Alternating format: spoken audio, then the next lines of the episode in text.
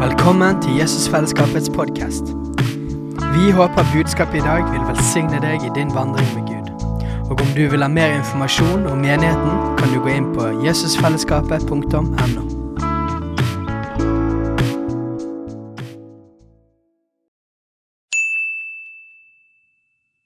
Hei! Visste du at Jesusfellesskapet starter en ny bibelskole til høsten? Den heter Jesusskolen og starter den 3. september. Gå inn på jesusskolen.no for mer informasjon.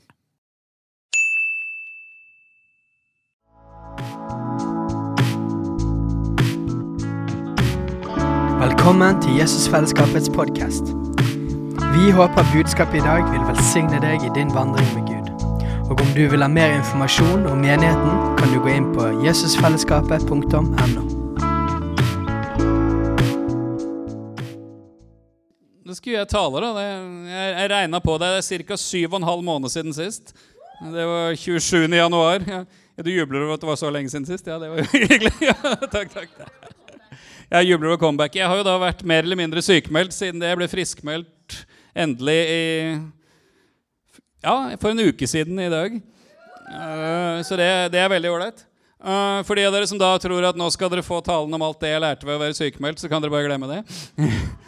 Det, det, har vært litt for mange sånne taler i EF de siste åra, så jeg har ikke tenkt å ta den. Men for de som da blir veldig skuffa og håpa det var det jeg skulle snakke om, så kan jeg si det at en av hovedlærdommene jeg har lært i løpet av denne sykemeldingsperioden, er å lære meg hva jeg skal ha ansvar for, og hva Gud skal ha ansvar for, og ikke prøve å blande de to.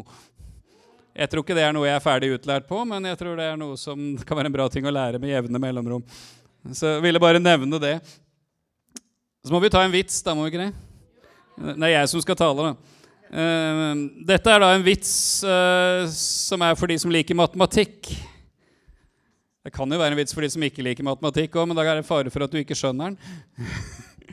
uh, alle har jo hørt kanskje om tallet 666. Vi snakker jo ikke så ofte om det her i menigheten.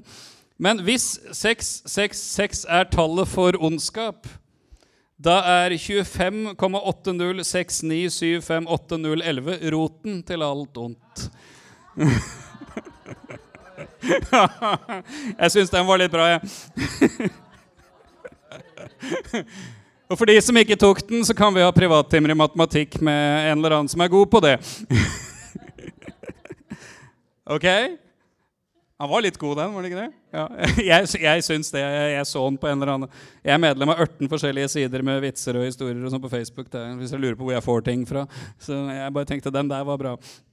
Men ok, uh, er det noen som husker hva som er fokuset i Jesusfellesskapet for 2019? Utenom Steinar og Katrine. I 2019 har vi fokus på bønn. Ja. Vi, har til og med en setning, egentlig.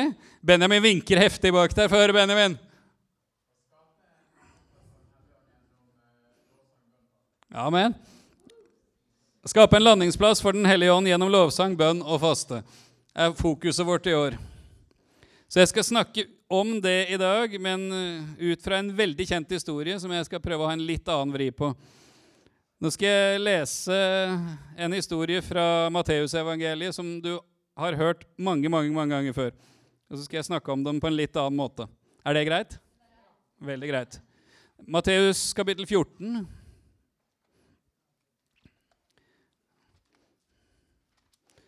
Nå, nå, nå, har jeg i noen år hatt en bibel som holdt på å falle fra hverandre, så nå har jeg, nå har jeg fått meg en ny bibel, og det er fryktelig vanskelig. Det er, det er, en helt annen oversettelse, og det er, det er helt grusomt. vet du. Altså, men, men, eh, men, ok, fra vers 22 i Matteus kapittel 14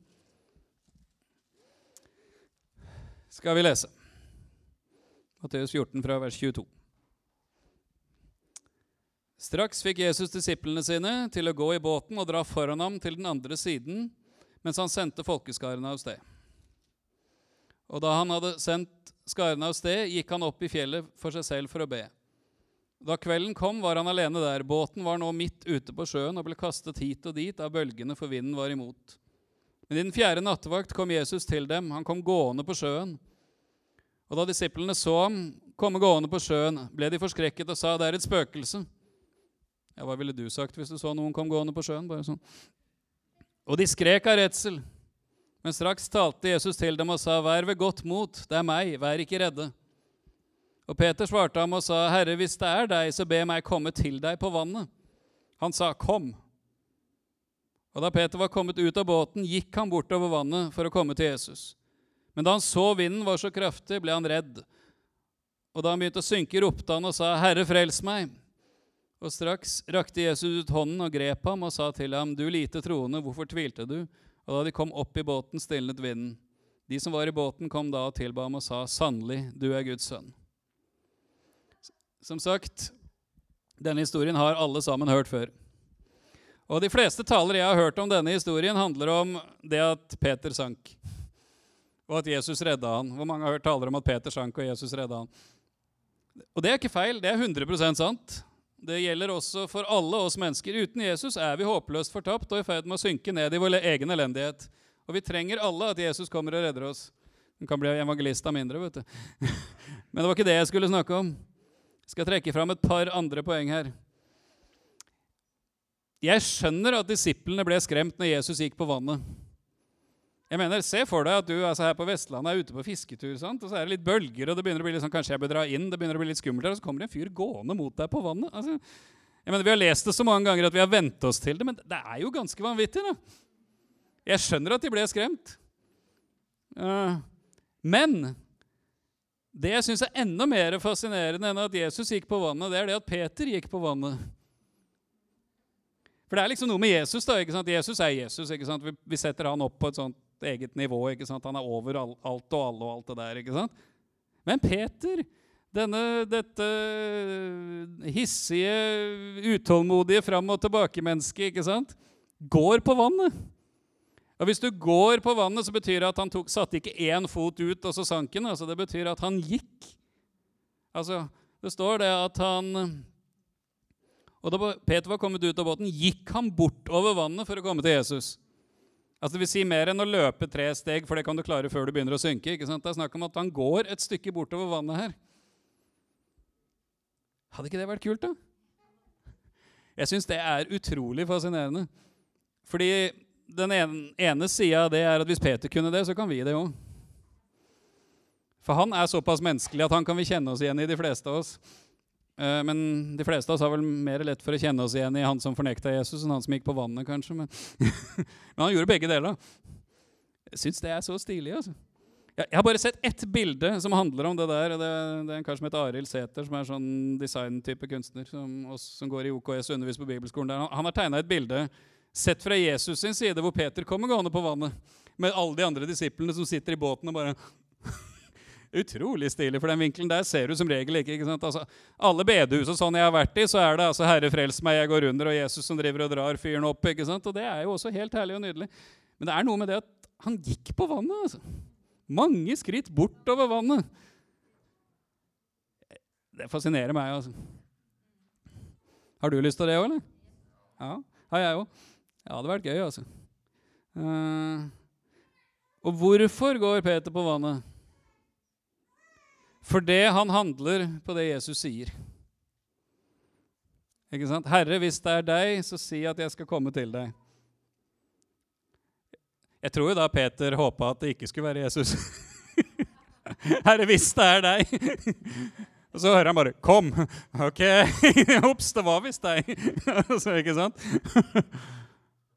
Men enkel lydighet mot det Jesus sa til Peter, gjør at Peter får oppleve noe overnaturlig og helt vanvittig. Og Der tror jeg det ligger en oppskrift.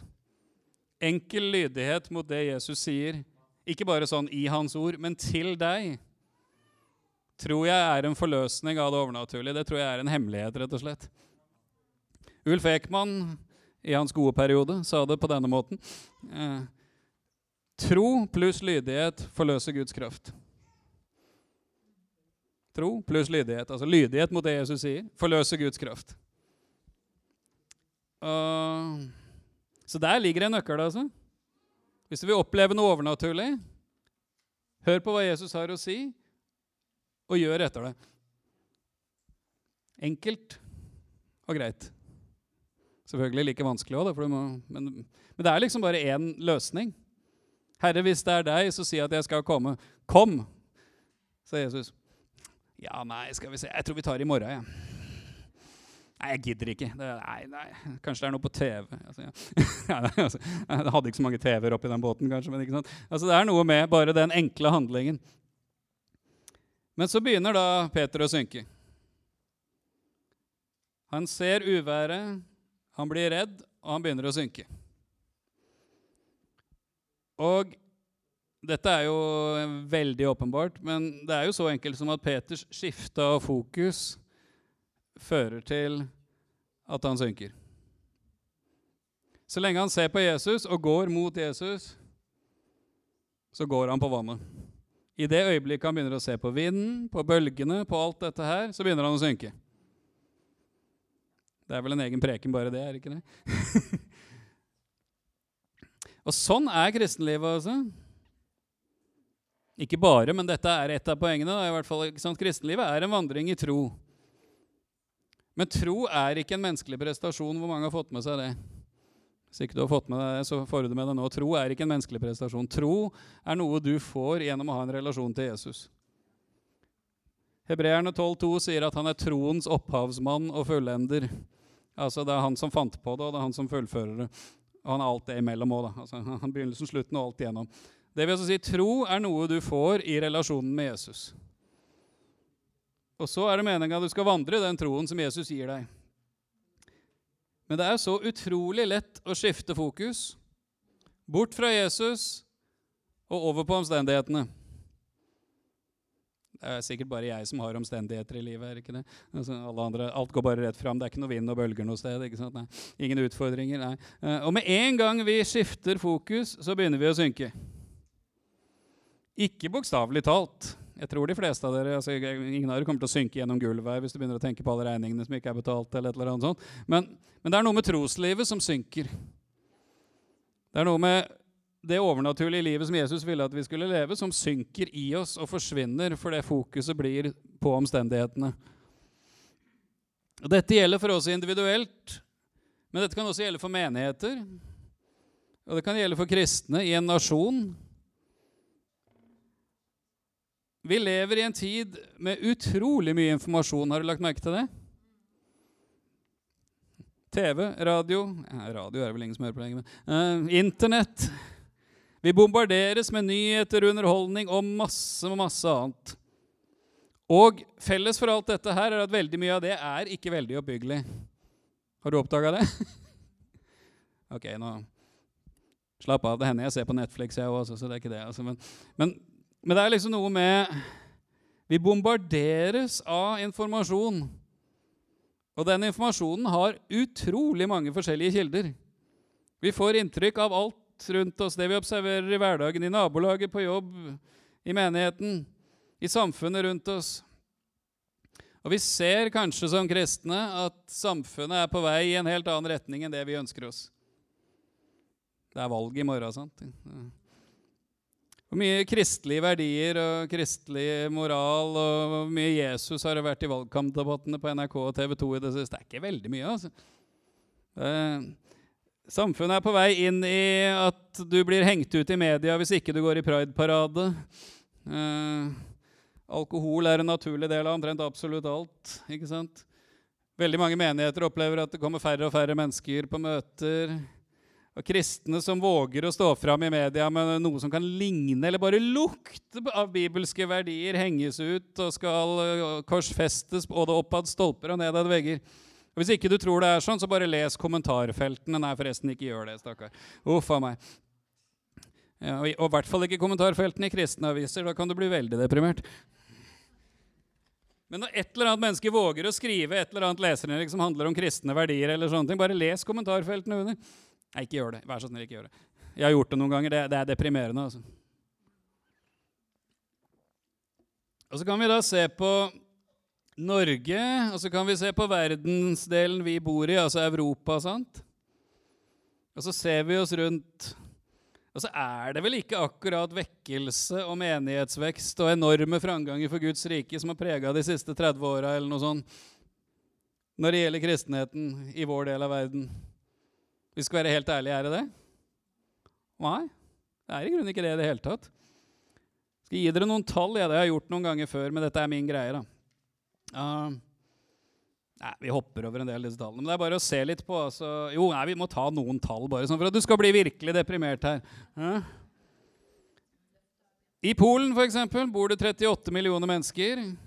Uh, det fins 2500 kommuner. 2200 av disse har ingen evangelisk menighet.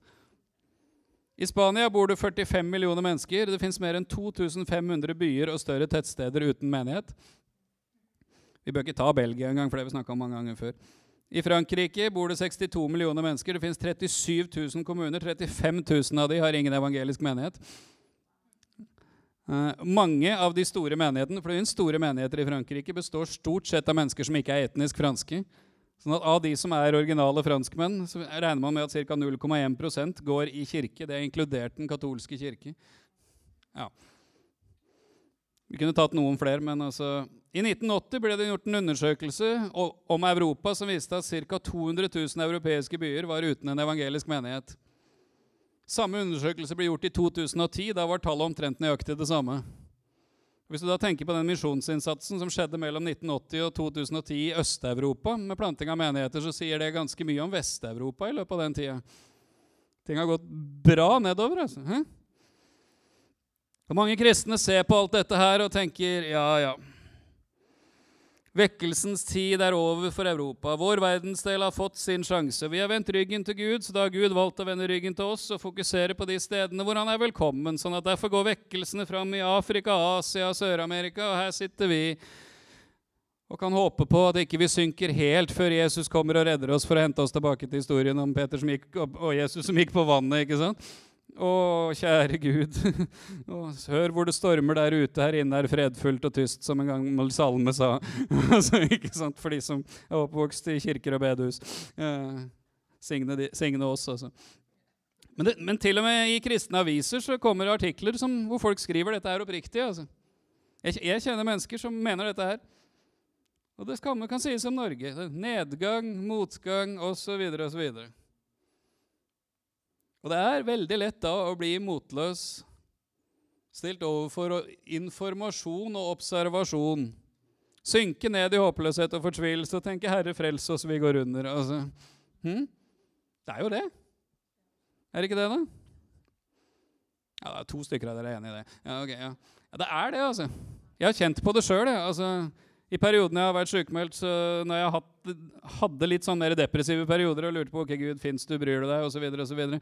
Hvis du da begynner å se på alt som fins i nyheten, og sånn, så, så du, du, blir ikke oppmuntra. Altså. Ikke i det hele tatt. Så det er bare én ting som er i veien med alt dette her, og vet du hva det er? Det er det at Jesus ikke er enig.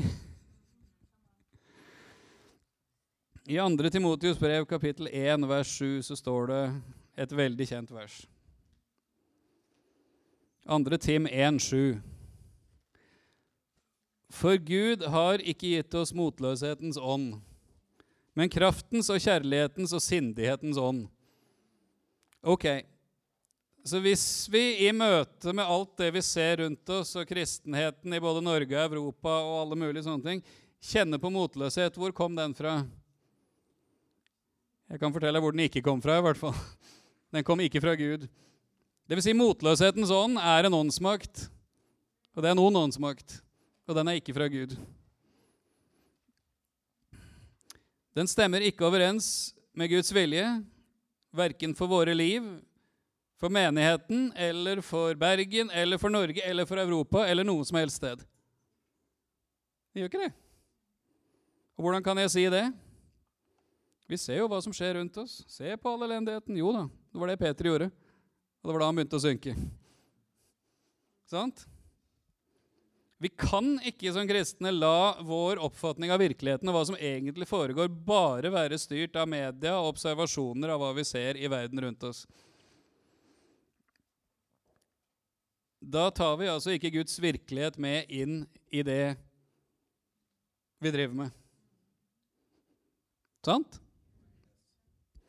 Hvis du ser på bibelhistorien, f.eks., så alle ganger Gud griper inn og gjør et eller annet fantastisk, så ser det forferdelig mørkt ut først. Gjør ikke det, da? Israelsfolket i Egypt, ikke sant? 400 år med slaveri, det høres ikke veldig kjekt ut. altså. Ikke sant? Så kommer Gud. Hvis du lurer på dette, her, så les Dommernes bok. Ja. ja. Elendighet, frafall, forferdelse. Så roper man til Gud, så gjør Gud et eller annet. ikke sant? Gjentar seg, gjentar seg. Altså, det var ikke noe bedre når Jesus kom. Israel var under romersk okkupasjon. Det var kamp mellom fariseere og sadukere. Det var bare elendighet.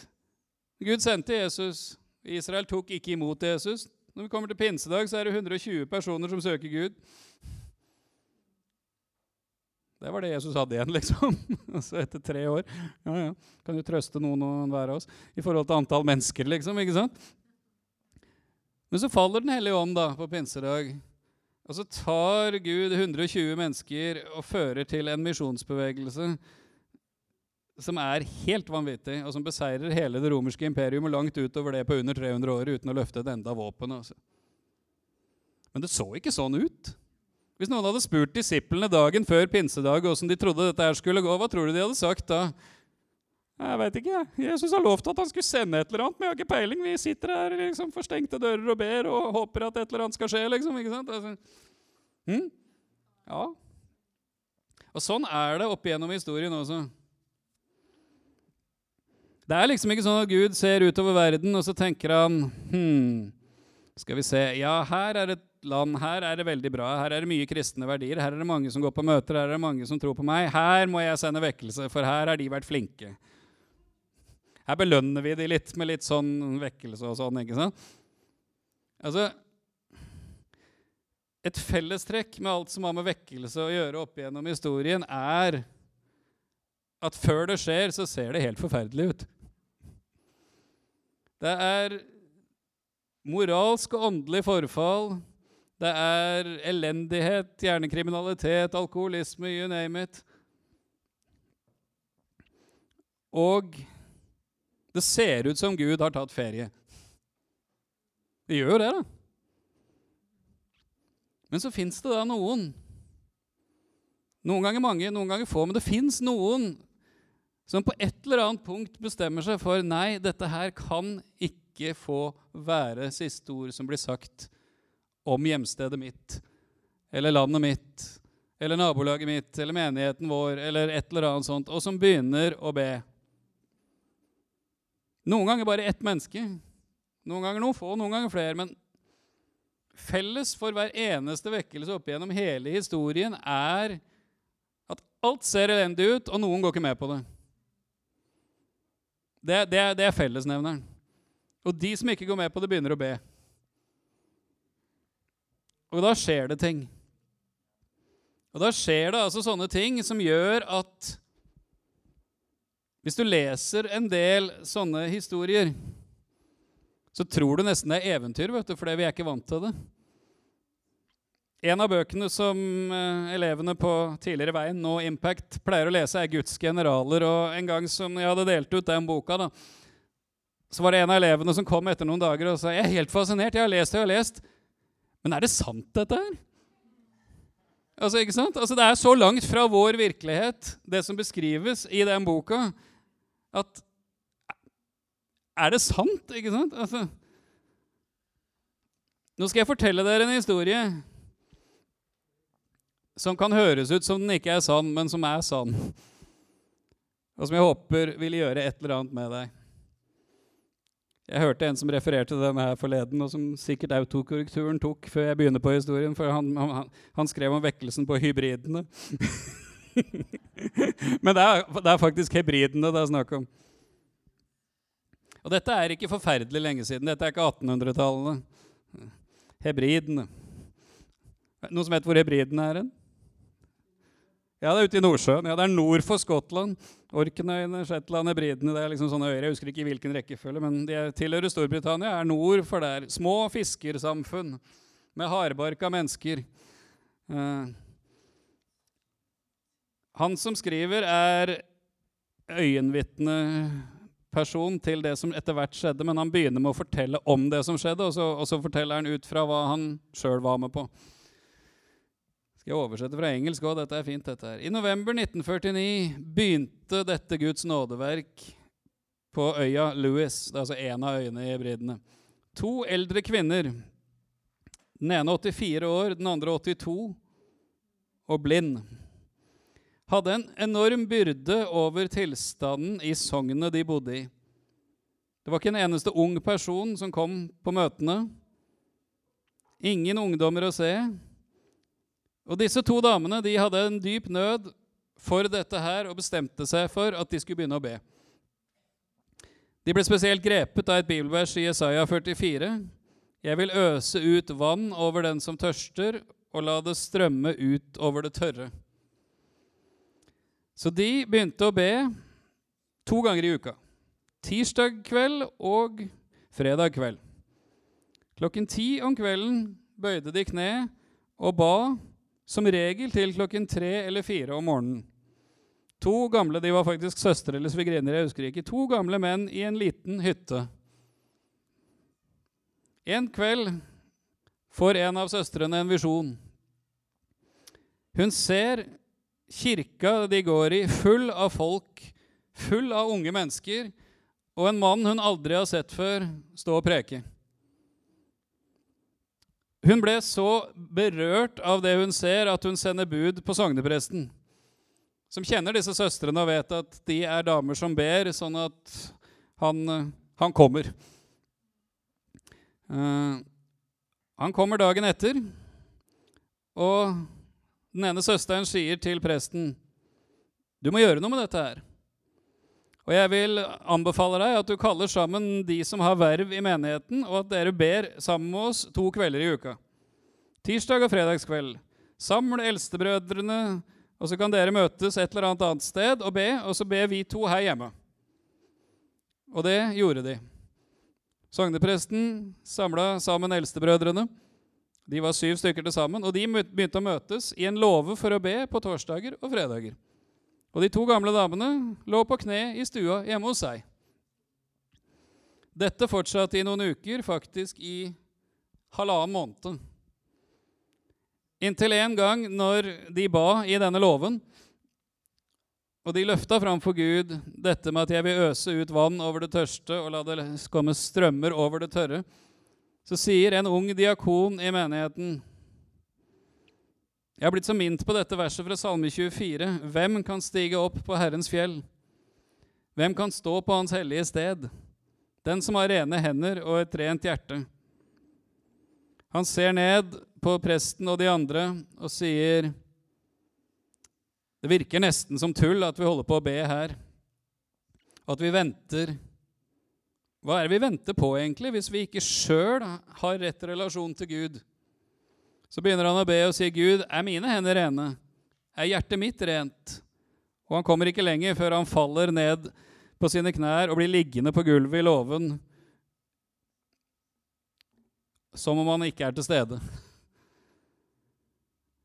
Og jeg kan ikke forklare det som nå skjedde, men mens han ligger der på gulvet, så begynner de andre også å be og bli grepet av en sånn overbevisning fra Gud som har med hellighet, og at han vil sende vekkelse. Og ut fra denne låven så begynner Guds kraft å spre seg i lokalsamfunnet. På en sånn måte som ikke hadde skjedd på over 100 år. Dagen etter dette bønnemøtet så var det ganske stille på de fleste arbeidsplasser og de fleste gårder. Og, det, og hvis menneskene snakket sammen, så var det om åndelige ting og om evigheten de snakka. Jeg var ennå ikke kommet til denne øya når dette begynte å skje, men de sendte bud etter meg. Fordi denne eldre søsteren sa til presten du må invitere noen, for jeg så en vi ikke kjenner, sto og tale. Eh, presten skulle på en ledersamling i Skottland uka, samme uke. og Der spurte han en ung mann om han ikke ville komme og tale. Og Han sa nei, jeg tror ikke det er jeg som skal tale, men, men, det, men det har skjedd noe et eller annet sted var i Glasgow, da. Jeg tror det. Ved en ung mann som heter Duncan Campbell. Kanskje du skal sende bud på han? I Edinburgh var det, ja. Og så sender de bud på Duncan Campbell, da, og så beskriver han hva som skjer når han kommer til denne øya. Jeg kommer aldri til å glemme den kvelden jeg kom. Vi kom til kirken omtrent kvart på ni på kvelden, og da var det 300 mennesker samlet. Dette er altså stedet hvor de to gamle damene ba, fordi det var ingen unge mennesker på møtene. Jeg talte, og det virka ikke egentlig som det skjedde så veldig mye. Det var et godt møte. Vi kjente at Guds nærvær var der, eh, men egentlig ikke så mye mer. Så jeg sa en velsignelse til slutt og tenkte at nå skal vi avslutte. Da var klokka rundt kvart på elleve. Og når jeg går nedover midtgangen, så reiser denne unge diakonen seg igjen og begynner å rope til Gud og sier, 'Gud, du kan ikke svikte oss nå.' Gud, du kan ikke svikte oss nå. Du har lovt at du vil øse ut vann over det tørste og det tørre. Og så faller han sammen og blir liggende i midtgangen igjen. Når jeg kommer til døra og åpner døra, så var klokka blitt rundt elleve. Og Der møter jeg den lokale smeden som kommer inn døra og sier det har skjedd noe helt fantastisk. Han har gjort det, han har gjort det. Når jeg åpner døra, så står det ca. 600 mennesker utenfor kirkedøra.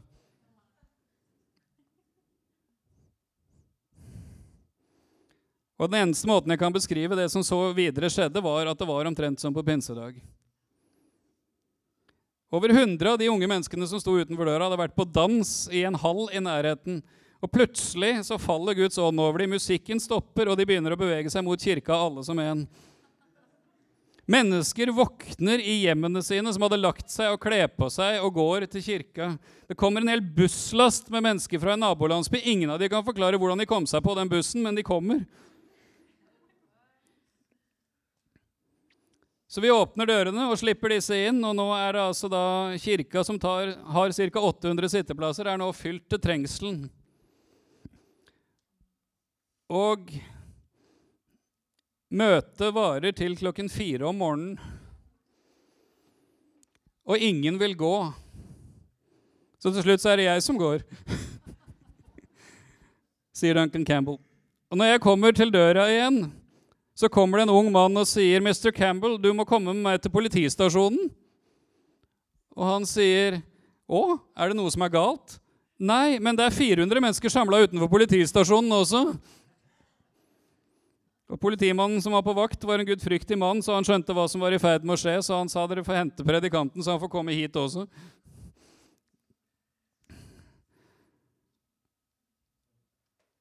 Dette er vekkelse, folkens.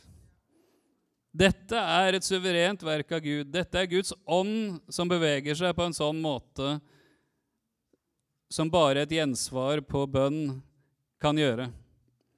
Dette fortsatte i nesten tre år, og helt til hele øya var innhylla i Guds kraft. De forteller at om kveldene på denne øya så var det sånn når sola hadde gått ned, så var det et sånn svakt lys som liksom spredde seg rundt av Guds nærvær, som man kunne se som en slags sånn skumring selv midt i mørket. Og én ting vil jeg at dere skal vite, dette her er ikke eventyr. Den andre tingen jeg vil at dere skal vite, er at jeg ser mer enn to gamle damer her inne. Mm -hmm. Ja. det vil si, hvis Gud kan gjøre noe sånt fordi det begynner med to eldre damer som har nød for lokalsamfunnet sitt. Hva kan Gud gjøre gjennom mennesker som har nød i dag? Og Hvis ikke vi har det, så får vi be Gud om å gi oss det. da. Det er liksom noe med det. Hvordan ville det se ut om Guds ånd faller på den måten i Bergen i dag? Jeg vet ikke. Men tror du det er mulig? Ja. Og det er rett og slett fordi Gud ikke har forandra seg. Vi kan tenke nei, samfunnet er blitt sånn og sånn, og folk har vendt Gud ryggen og alt mulig. Men det, var ikke noe bedre på hybriden i 1949. altså. Det var ikke noen flere på møtene, det var ikke noen flere som var opptatt av åndelige ting. Det var noen som begynte å be.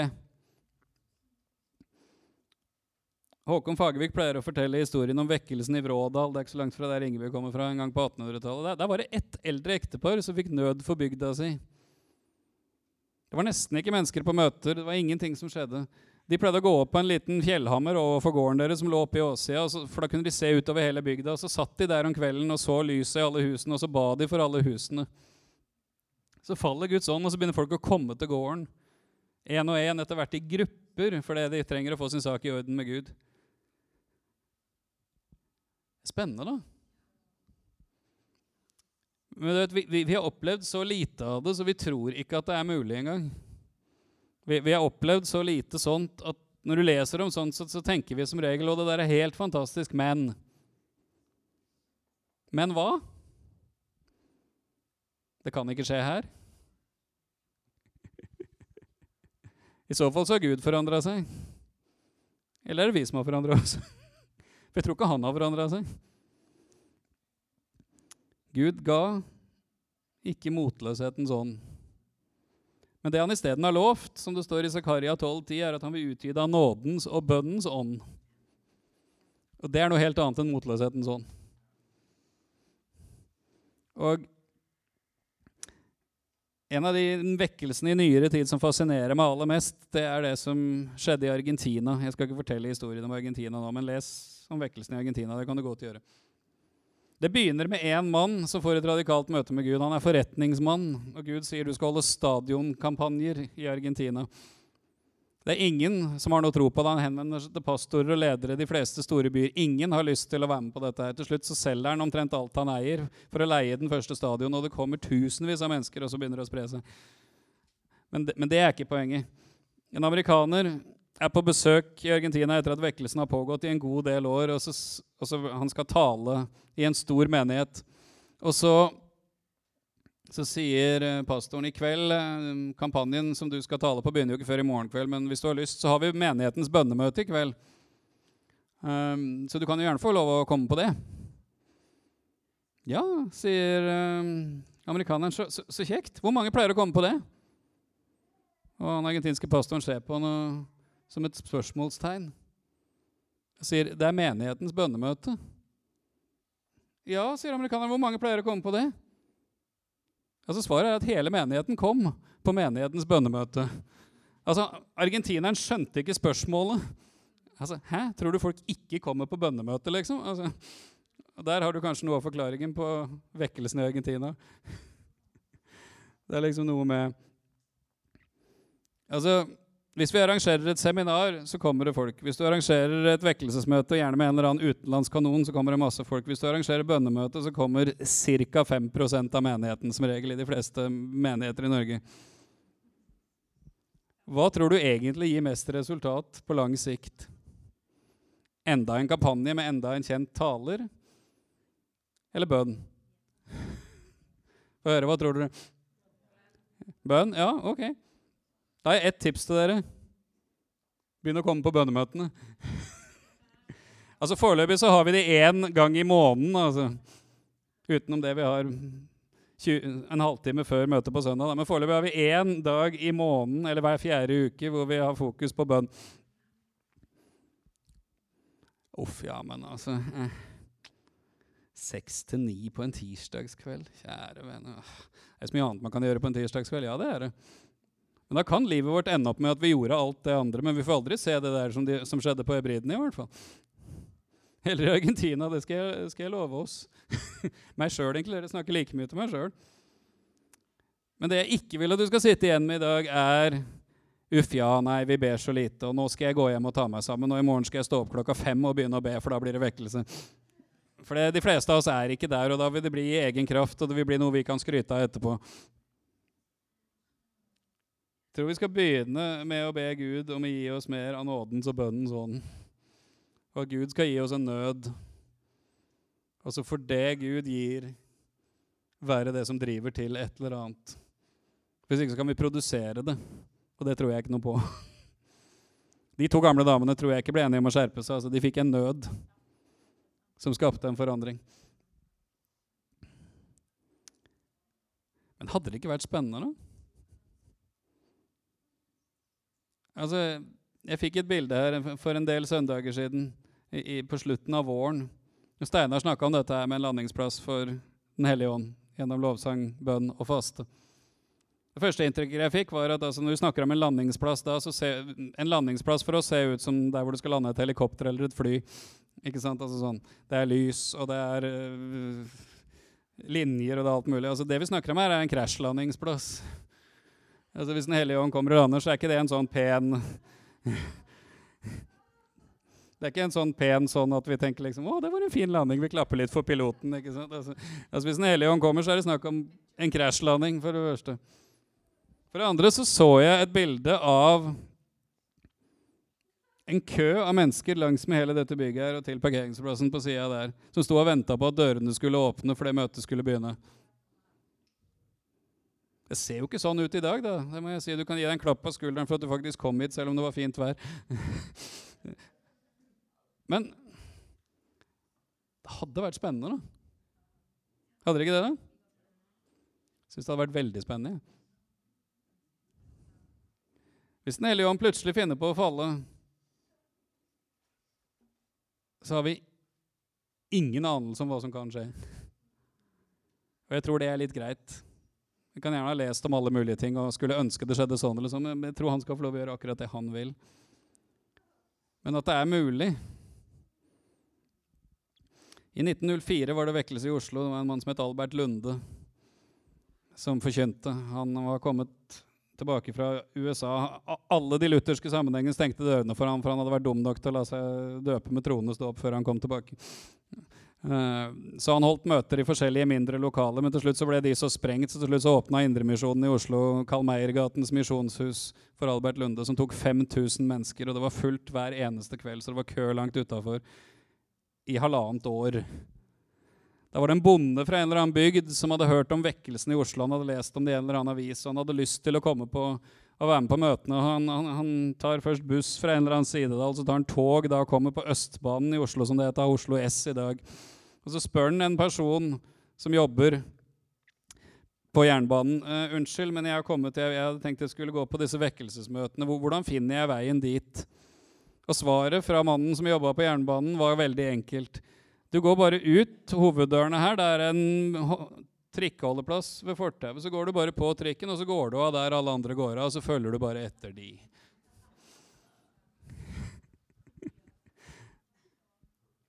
Det er noe annet enn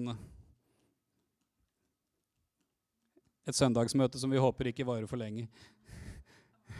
hm? Ja, ja. Aha, ja. Når det var vekkelse, ja, ja Ingebjørg begynte å snakke om sentralkirken i Bergen. for å ta det enda men det var vekkelse i sentralkirken i Bergen under krigen. du vet, den på hjørnet ved Fløibanen. Da var det altså så mange mennesker som satte opp høyttalere på utsida av bygningen når de hadde gudstjenester, fordi, fordi folk kom ikke inn. Det er jo gøy, da. Mm -mm. Ja, jeg tror du skjønner hvor jeg vil hen, gjør du ikke det? Så hva skal, hva, hva skal vi se på? Omstendighetene rundt oss? Eller skal vi se på Jesus? Nå skal vi be ettersom han leder oss. Hei, alle sammen. Det er Katrine og Steinar Lofnes her. Vi er hovedledere for Jesusfellesskapet. Så kjekt du har lyttet til denne podkasten. Har du forresten hørt noen av de andre podkastene våre? Ukens tale, Disippelskolen, Hyrdepodden, Kulturkrigen og Mammas hjerte. Du finner disse podkastene på Spotify, Apple Podkaster og på nettsiden vår jesusfellesskapet.no.